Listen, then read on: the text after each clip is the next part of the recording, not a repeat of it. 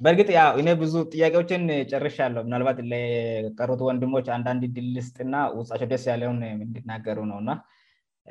ስ ችንበጣምብዙ ይሄዳከንድወደ ሁት አካባቢ ሊሆን የተቀመጥ ነውናናባትድል ልስጣቸሁና ናልባት የልተነሳ ወምውስጣቸ የሚመላለ ሳብካፍ ርገውእናንመረሻላይቦትጀመርን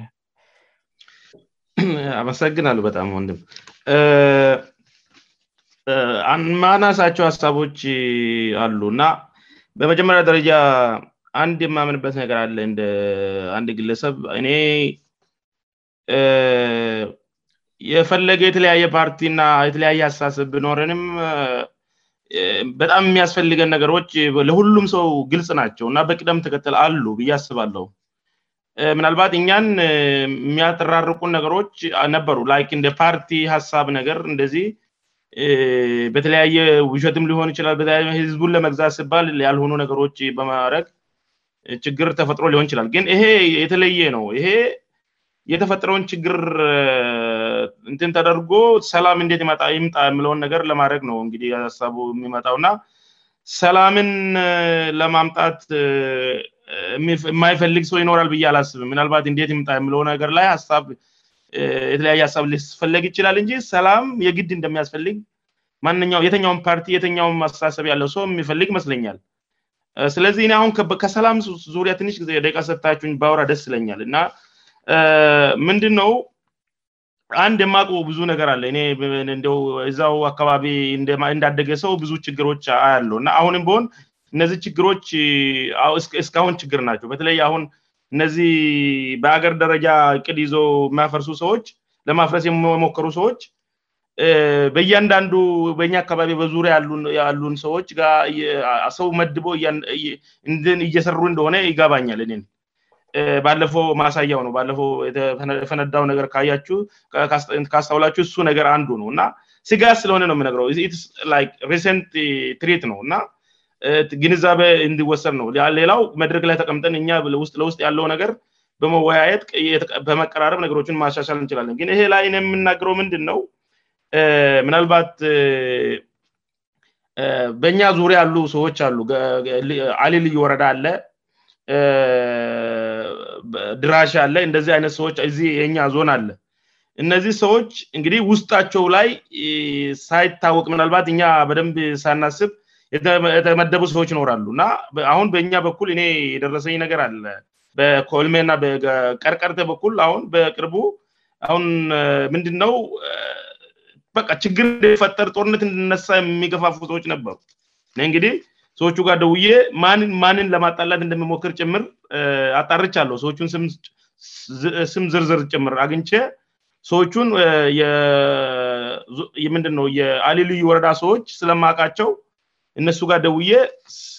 ስሞችን ንትንብዬ አንዳንድ ነገሮችን ተነጋግረን ወደ ጸጥታ ምትናቸው ሀላፊያቸው ጭምር ደውዬ ተነጋግረናል ዳዊት ጋም የሆነ ነገር ተነጋግረን ነበር ግን ምንድን ነው ይሄ ነገር ላይ በጣም ትኩረት ልሰጥ ይገባል ማለት እነሱ ዞን ላይም ሆን ልዩ ወረዳ ወይም ድራሼ ያሉ ሰዎች እንዲው ጥሩ ከሆኑ እና በእውነት የሁላችን የምህብረተሰብ ሰላም የሚፈልጉ ሰዎች ከሆኑ እንደዚህ ችግር የሚፈጥሩ ሰዎችን በመለየት በአይነ ቁራኛ በመከታተል ነገሮቹን እንዳይፈጠሩ በቅድሚ መከላከል አለባቸው ብ አስባለው ለምን አሁን ለምሳሌ በእኛ በኩል የተለመደው ነገር ሳስብ ምንድ ነው አንድ የሆነ የገዋዳ ለምሳሌ ብሰብወይ የአሊ ብሔረሰብ መጥቶ በሆነ ምክንያት የኮልወይ ኮንሶ ብሔረሰብ ሰው ቢጎዳ ወይም ቢገል እንደ ብሄረሰብ ነውጦርነት የምነሳ እንደ ብሄረሰብ ጦርነት እነሳል በጣም ብዙ ጥፋት ይመጣል ከንብረት አንጻር ጥፋት ይመጣል ከሰው ህወት አንፃር ጥፋት ይመጣል ብዙ አይነት ጥፋቶች ይመጣሉ ስለዚህ እኔ የሚመክረው ምንድነው ምናልባት እድሉን አግኝቶ ሌሎቹ ከሰሙ ሌላ ብሄረሰቦች ከሰሙ ጥሩ ነው የእኛዎቹ ከሰሙ ግን ምንድው የሚመክራቸው ከአሁኑ ነው እንደዚ አይነት ነገር ማሰብ ያለብን ምንድነው ድሮው እነዚህ እኛ ነመሩን የነበሩ ሰዎች እንደዚአይን ነገር ሲሆን ለነሱ ትልቅ ስለሆን ነበርእንደዚህ ሲሆን ነበረ ግን እኛ ባለማወቅ አንድና የሆነ ግሩፕ ስለተጣሉ እንደ ብሔረሰብ እንጣላ ነበር ግንይሄ ነገር ለሁሉም ብሔረሰብ አዋጭነት የለውም የሁሉንም ንብረት ያወድማል የሁሉም ነብስ እጠፋል የሁሉም ነብስ መድ ከጠፋው አፈር ከሆነ እና የሁሉም ሰው ንብረት ከወደመ በኋላ የሚመለስ ነገር የሉ ሁሉም አመድ ሆኖው ይቀራል በኋላ ላይ ተቀራርበን ደግሞ በተለያየ ሚንስ እንነጋገራለን ተነጋግረን እንታረቅና ደግሞ ሌላ ጊዜ እደ ይነት ር ስፈጠር በይነት መልኩ ችግር እንፈጥራል እንደዛ ይነት ነገ መቀጠያለበትምይለምሳሌ እነሱ ኔ ያወራት ነገር አለ ልዩ ወረዳው ጋ ዩየተነጋግርነባለልጣ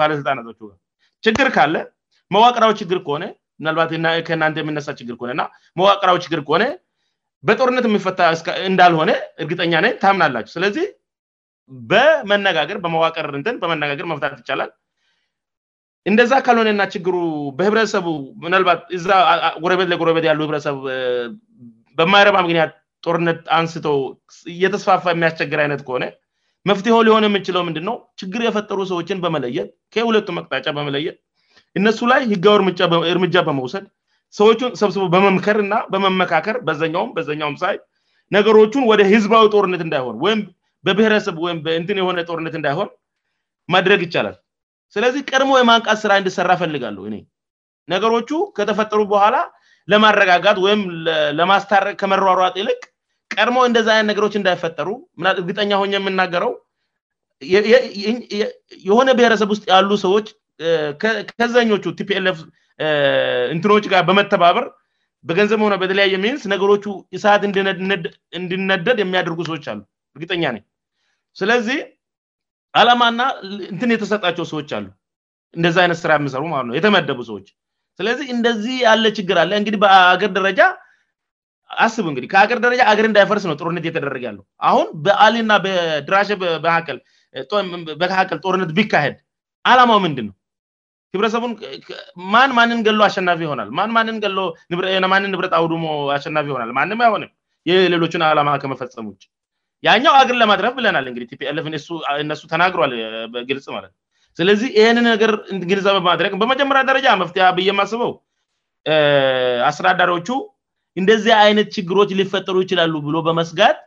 መነጋገር አለባቸው ከድራ ሆን አንድ ላይ በመነጋገር ጸጉረ ልውጥ ካለ ብረተሰቡ አንድ ላይ ሆኑ እርግጠኛ ጦርነት የማይፈልግ ብረተሰብ ብቻ ው ያሉ እንደዚይነት ነገሮች እንድለዩ አኑ ማስጠንቀቂያ ሀሳብ መለዋቀጥ አለባቸውመጀመሪያ ደረጃ ከዛን ህብረተሰቡን የሚመሩ ሰዎች ወይም እንደዚ የሚያደርጉ ሰዎች ሄዶ ግንዛበ በመስጠት ጢፋተኛ ካለ እና እንደዚህ አይነት ችግር እንድፈጠር ግብአት የመሆን አይነት ሰው ካለ ደ ህብረተሰብ አቃለነሱ ተጋበስም ደረጃ ነረኝ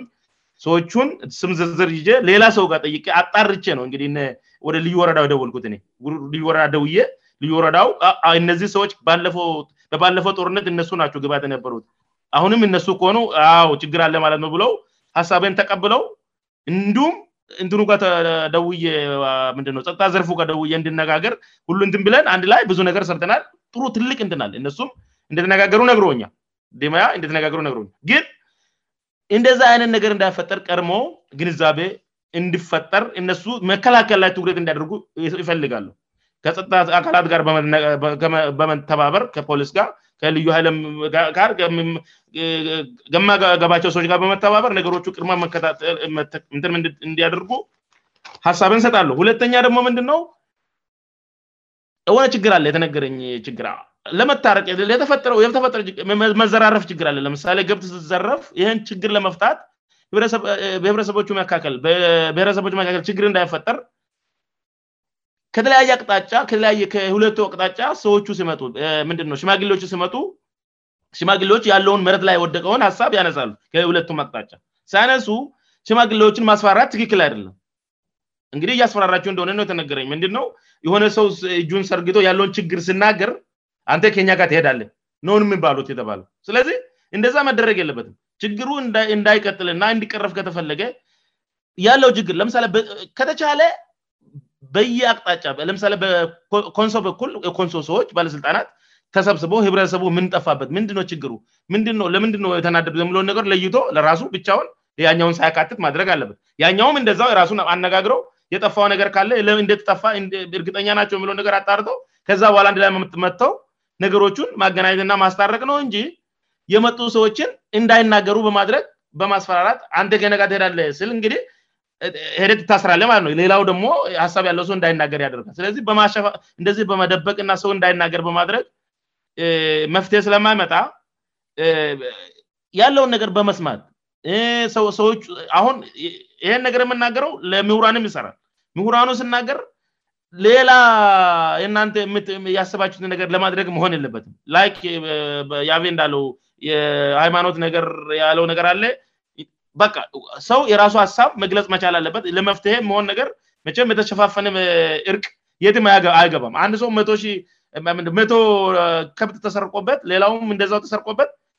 ይሄ ነገር ግልጽ ካልሆነ የተሰረቀበት ሰው ቅም ያዙ አይቀርም ስለዚህ ይህን ግልጽ መረት ወርዳችሁ ከሰዎ ጋረቀባቸ ላተጋግራችሁ እነሱም በዘኛው ተነጋግረው ነገሮችን አንድ ላይ በማቀራረብ ሀሳብ እንድሰጥ በማድረግ ነው እንጂ ዝን ብሎ ሃይላይት እናን ተነጋግራች አንተመስአንተመልስብ የሚመጣ መፍትሄ የለምና እንደዛ አይነት ነገር ላይ ብትነጋገሩ በተለይ በተለይ እንደዚህ ሃላፊ የሆናቸው ሰዎች ሳብ ብትቀራረቡእናእናንተ መጀመሪያ ላይ መፍትሄ ሀሳብ ላይ ተነጋገራቸው ወደ ህዝብ ወረዳች ነገሮችን ብታደረጉ የተቻሌ ለወደፊት ችግሩ እንዳፈጠር ያደረጋል የውስጥ ደግሞ ችግር የለውም እሱ እንግዲህ በኋላ ላይ ስትቀራረቡምሁራን ስታቀርቡ እናንተም ስትቀርቡ በውስሰላምና አንድነት እና በሚቀጥሎ ኢኮኖሚ ጉዳይ ላይ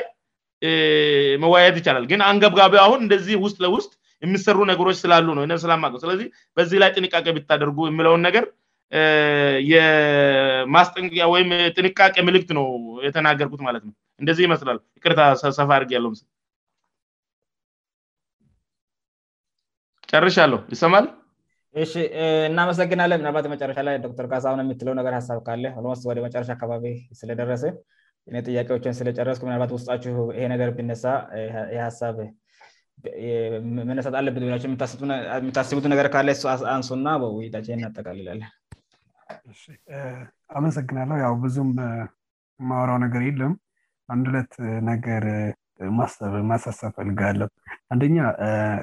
እያየን ሽቻዎችን ሶሻል ሚዲያ ላይ በብዛት እየተከታተል ነውና አቲቪ ይከታተላለእና ምንድነው እያስተዋልኩለት ለምለው ምላሽ አትስ ሀሳብ መስጠት ፈልጋለሁ ይህ የምሁራን ምክክል ጉባኤ ከፖለቲከኞች አንጻር እንዴት መታየት አለበት የምል ሀሳብ አለኝ ቢካ አሁን ፖለቲከኞች የተለያዩ ሀሳቦችን በሶሻል ሚዲያዎች ዋልታ ረገጥ የሆኑ ነገር አንስተው ገለልተኞችንም ወይም ደግሞ ነን ፓርቲዛኖችን ጨምር እያስጨነቃሉበት ሁኔታ አለ እንደ ፖለቲከኛ በዚህ ጉባኤ ላይ መፍትሄ ለጋ ነው የምንሄደው አንድ ሁለተኛ ደግሞ ተቀራርበ መስራት እንደሚቻል ማሳየት እንፈልጋለን እኔ በፓርቲ ዜማ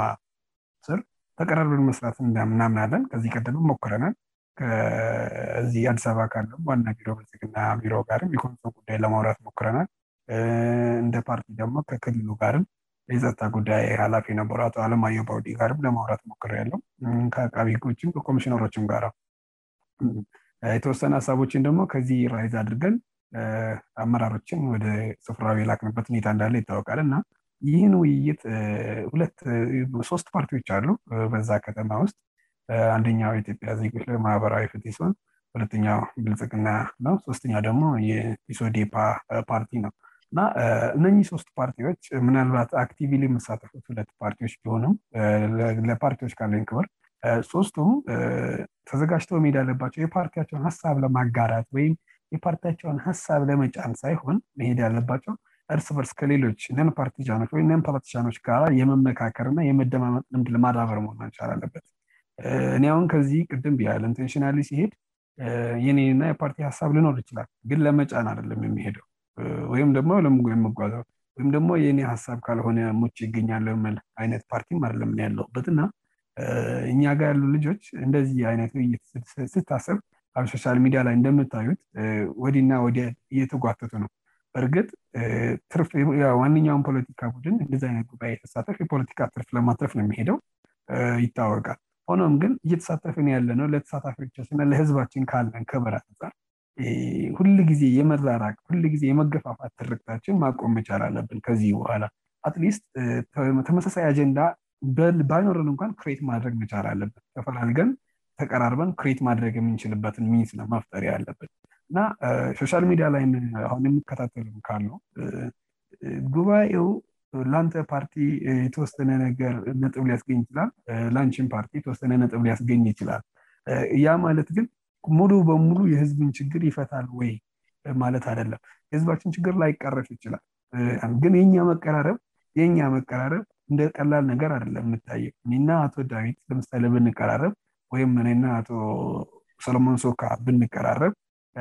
የምጠቅመ የምንው አባሎቻችንም ሰላማዊ የሆኔ ብኝነት ይፍጥራሉ የሰለጠነ ፖለቲካ አራምዳሉ ከምሉ ሰዎች መካከል ን ተቀራርበን ለማውራት ከዚህ እስከዛ ድረስ የምንሄደው በየቦታው የምነሱ ግጭቶች ከመገፋፋት ከመጠላራት የመጡ ናቸው ህክነው በአንድ ቤተሰብ ውስጥ ብዙ አይነት የፖለቲካ መካከል ሊኖር ይችላል እ በኔ ቤተሰብ አለ እኔ ቤተሰቦች ውስጥ ባያየት አለን ያ ማለት ግን ያራርቀናል ወይም ጠላቶችን ማለት ስላልሆነ መድረኩን ለፖለቲካ አጀንዳ መጠቀሚ ባይሆን ስፔሻ በእኔ በኩል በኢትዮጵያ ዜች ለማህበራዊ ፍት ፓርቲ አባላት አጀንዳዎች ሊኖሩ ይችላሉ ግን የፖለቲካ ጥቅም ብጫ ግንተን እንመለሳለን ብለን የፖለቲካ ትግል ምናረግበት መድረክ አይደለ ይህ መድረክ ይህ መድረክ ሀሳቦችን ከወንድሞቻችን ጋር አንደኛ ለመቅሰል ያለውን ራይዎች ፖሊሲዎች እንደመከለስም ይረዳናል ተቀጣይ ሂደት ሁለተኛ ደግሞ ራሳችን ፕሮሞት ለማድረግ ለማስተዋወቅ ሀሳባችን ለመሸጥ ለማገበያየት ምን አይነት ሀሳብ እንደነበረን ያው ፓርቲ ሱባል አንድ ለምርጫ ዘመን ብቻ እንቋቋም እንዳልሆነ በመጠማመን ምን አይነት ሀሳብ እንደነበረን ምን አይነት የስርዓተ መስተዳደር እንደነበረን ሀሳባችን ለመሸጥ እንጂ የምንሄደው የውድ የኛ ሀሳብ ካልሆነ አንግባባን ብለን በቀላ የምንይዝበት አደለም እዛ ስንገኝ በፍፁም ኢትዮጵያዊነት ወረድካልም ደግሞ በፍም ሆንስታነት ነው እዛ መሰብሰብ ያለብን ብዬ ነው ይማም ነው ስፔሻ ካችን ሶሻል ሚዲያ ላይ ብዙ ጊዜ ዋልታረገጥ ክርክሮች ያለው ክብረነ ክርክሮች ና ያለው ለመምከርም ሳብ ለመሰጥም አይመጀንም እኛ ንደ መሪ የራሳችን እየሰራ ነው ፓርቲ ስራውን እየሰራ ነው አዲስ አበዋናሚ ያለው እሰራ ነው እኔም በራሴ ምርጫ ክልል እየሰራበት ያለ ሁኔታች አሉ እኛን ግን አሁን ሊያገናኝን የፈልን ስነትና ንሶ ችግር ላይ መደእኳ ነው ዳዊት እጥራ ሰለሞን ሶካ ጥራ ሌሎችም ጥሩ አያሳስብን እኛ ግን ጥሩ ሀሳብ እንዳለን ለህዝባችን ማሳየት እንፈልጋለን ምርጫ ተከናውኗዋል ሌሎች ምርጫ ክስ ደት የፍርድ በተለቶች አሉ ግኛ ሀሳብ ምን ይህል አስፈላጊ ሀሳብ እንደነበረ ለማሳየት እንጂ ለመጫነ እንዳለሆነ በመረዳት እርስበርስ መጎነታተሉን ፖለቲከኞች ዛብብ ያደርጉት መልካምንላለው ሌላው የገዢው ቡድን ፖለቲከኞች እካቸንእእባካቸን እንደ ማሸማቀቅን መሳሪያችው አታደርጉ አሁን ቅም ወንድጋይ ሲያወራ የሰላም ጉዳይ ቀጠናው ላ ክልሉ ላይ ያለ ችግር ነው ከዚህ በፊት ከሎ ጋር ርተናከአለማየው ዲ ጋር የነበረ ኮሚኒኬሽንን ነው የሰላም ችግሮች ይካሰታል አሁን ትላንት ው ምናምን ሆየሚልሻ ሰልጣቅን 5ሳህ ሚልሻ ሰልጥነናል አስታጥቀናል አሁን ወደ ግዳጅ መበተን ነው ይቀሩ የምል የንድ ወረዳው መካከለኛ ነው ዝቅተኛ አመራር ፖስታቼ በጣም ነበር የተበሳጭት ሳ ሻ ሰልጥነ የም ግጭት ስሽ እንት ሆነለ ፈለገ መርብ በጣም እንት ግጭት ቀስቃሽ ትሆነ ለይፕ ለሌሎች ወዳጆቻችን ጎረቤቶቻችን ናቸው ደራሽም ጉን ገዋዳ ወይም አለኝ ቤተሰቦቻችን የነበሩ ናቸው አንዳንዶች ደሁም አብረንበልትን አብረን ጥጥን የነበረነ ይ አስተዳደር መዋቅር እን ሌላ ተአምር አደርጋል በጥላቻ 5ሳ ሰው አዘጋጅተናል መጠንላችሁይነት መልክት ማስተላለፍ ከማንገስ ሰዎች እኔ ፐርሰና የማልጠብቆ ነው አንዳንድ ደግሞ ሁራንም ደግሞ ፍም አንባገነንነት ልብሉ የራስ ፍላጎት ብቻ አንድ ደሞ የት ምድው የልዩ ወረዳ ናፋቂዎችን እናጠፋለን ምን ገባ አይመለከተንም ማለት ነው እኔ ፐርና አላምንበት አንተ ብትፈልግ ሀገር ጠይቀ ቤተሰቦች ሰብስበ ህገመንግስቱ ከፈቀደል አንተና ቤቴ ሀገር መጥ መሆን ትችላለን ንተእ ልራመፈደልልሰ ዴሞክራሲ ነአሁን ና ሞራሲልሞራሲዊ ስርዓት ነው የመራነው ያለው የሰዎችን መብት እንደዚህ ገደብ ያለመልኩ አመራች ሁራን ና ያልፍጥሩ ነው ሌላው ደግሞ አጀንአጀንዳ ሲመጣ የፖለቲካ አጀንዳ እንዳይሆን በልግ ፖለቲካ ፕሮብም አለብ ያም ከሆነ 5ምሳር በምሳ ስቶ በመቀበል መሬህ እንፈተዋለን የማይሰጥ አይቀበም የማይቀበል አይሰጥም ችግሩ በሁለት ቡድን እደሆና አቃለው እነዚያ ሪሊ ወረዳው የፖለቲካ ክራይሲሱን መፍታት ከፈለገ ሰጥቶ መቀበል መሬ ማዘጋኘት መቻል አለበት ምንም ነገር ሳይሰጥ አገኛለው ጥብ አገኛለው ምል ከሆነ ይሄ አያዋጣ አሁን ያለንበት ጊዜ ወን የምናራምድበት ሁላችን አሸናፊ የሚሆንበት የፖለቲካ አካሄድ ዘመን ላይ ስለሆነ ነው እኔ በጎጎት ይጠብቃለው ፈጠሪ ከረዳኝ ውይይቱን ለመሳተፍ ያዘጋጃለው የሰላም ጉዳይ ጋይቦ እንዳነሳው እንደም ኮንሰሩ ይሻላል እኔ በኔ ምርጫ ተወዳደርኩበት ወደ ባስኬቱ አካባቢ ከምርጫ ኋላ ብቻ አራት ሰዎች ናቸው የተገደሉብኝ አራት ሰዎች ሁለት ከኮንሶ አንድ ከአማራ አንድ ከወላይታ ብሔረሰብ የሆኑ አራት ሰዎች ተገለው ወደ አም00 ከብቶች ተዘርፈዋል ከባድ ችግር አለ አርብተአደሩ ጋራ ያለው ግጭት ጦርነት ከባድ ነው እንዳይስፋፋ ግን እየሰራ ነው ችግሮችን መፍታት አልአልቻልነው ግን አሁን ያለን አማራጭ ምድ ነው ስር ሰዶ እንዳይሰፋ ለመስራት ነው ለምን ያዙን ልቀቁን ባል ቁጥር በተወራጨ ቁጥር እያሰፈው ወሬውም ሰውጋር የደረሰ ሌላ ላቻ እያፈራነው ያንተን ግጭት ሰማይዝም አይለም ለምሳሌ የቬሎ እና ካፍቴ ብጋጭኮ ወይኔርወይጋይቦ ጋርሆነመጋ ፈጥለን ራሳችን ደግሞ ን ስለማድረግ ይዘጋጃለን ግጭቶችን ማገነፋማድረግ ጠላትን ከማብዛት የሰረነርብዙነገር ርናላ አይታኝ ውይይጡን ከምናፈቁት ወገን ነ እድልን ሰታችን እንዳይወራ እንድናገር ሀሳቢ ሪፍሌክስ ድረጋችን አመሰግናለሁ ኩራት ይሰማኛል ሌላ ጊዜ እንዲከተመችኝ የንፈልገው አጀንዳ ሲል ሳተፍ ይችላለ ክበሩ ልኝ እግዚአብሔር ስት ለኝእናመሰግናለን ዶክተር ካሳሆን እ በጣም ሰው ዳፍቆና አሁሉጊዜ ተመሳሳይ ፊት የሆነብን እኛው ብቻ ነን እዚጋር የምንገኘውእና በዚህ በመሀል ሰው መ የተለያየ ሀሳብ ያቀርቡልበጣም ነ ደስተኛች የምንሆነው ምናልባት የሎ መጫሮች ላቀ የምለውነገር ካለ ጨምርእና ውይታችን ላ እናበቃለን አጭር ነገር አለኝ ው እኔህ እንግዲህ በአካል ወይም በዙም እድሉን ካገኘው ያገኘው ካላገኘው ግን ስብሰባውን የሚሳተፉ ሰዎች በአጀንዳ መልክ እንዳያቀርቡልኝ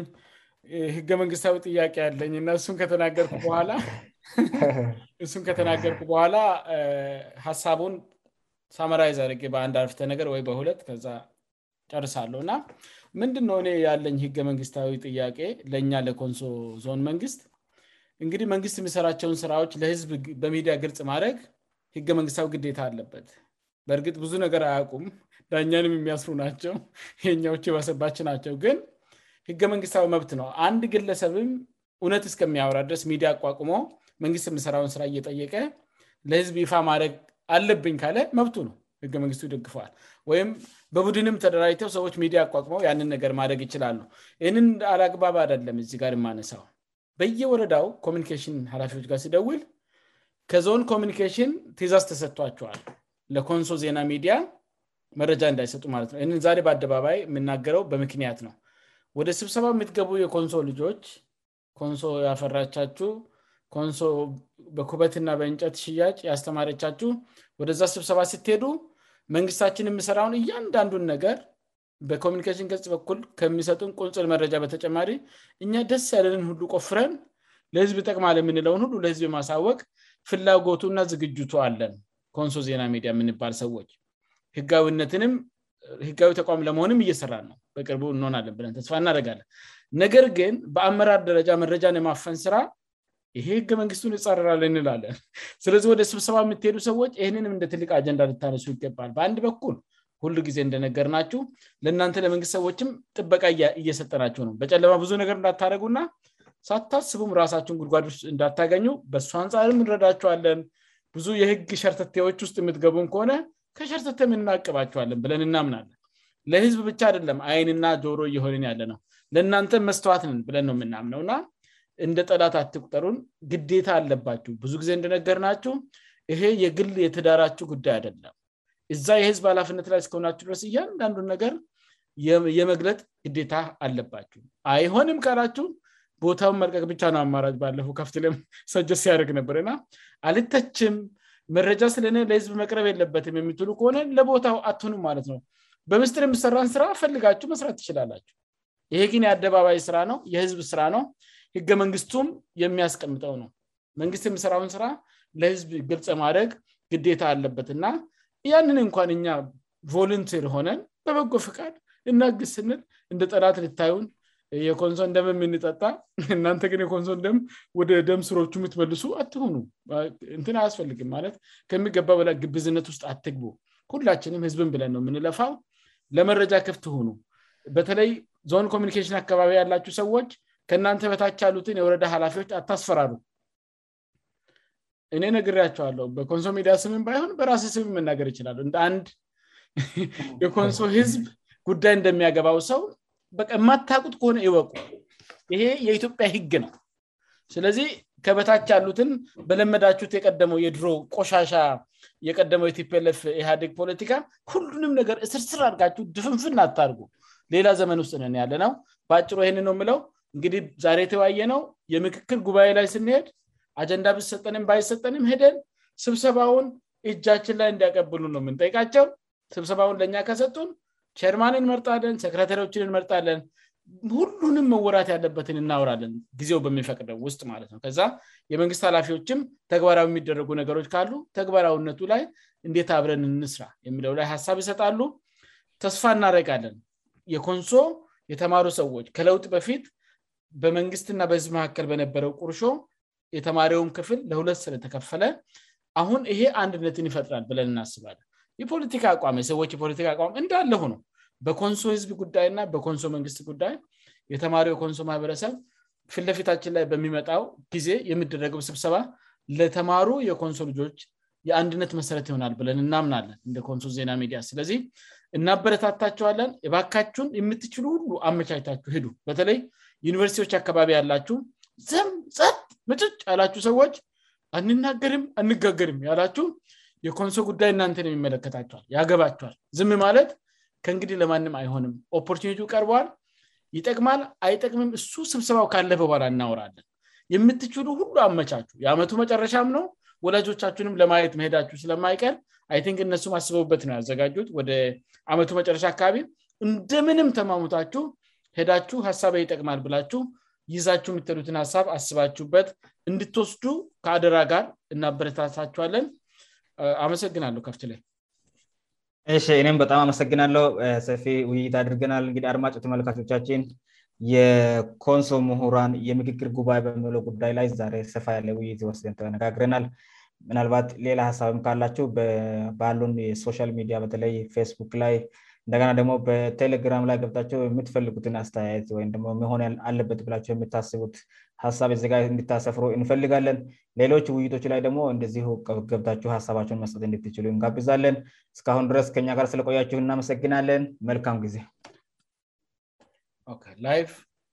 ተቋርጧል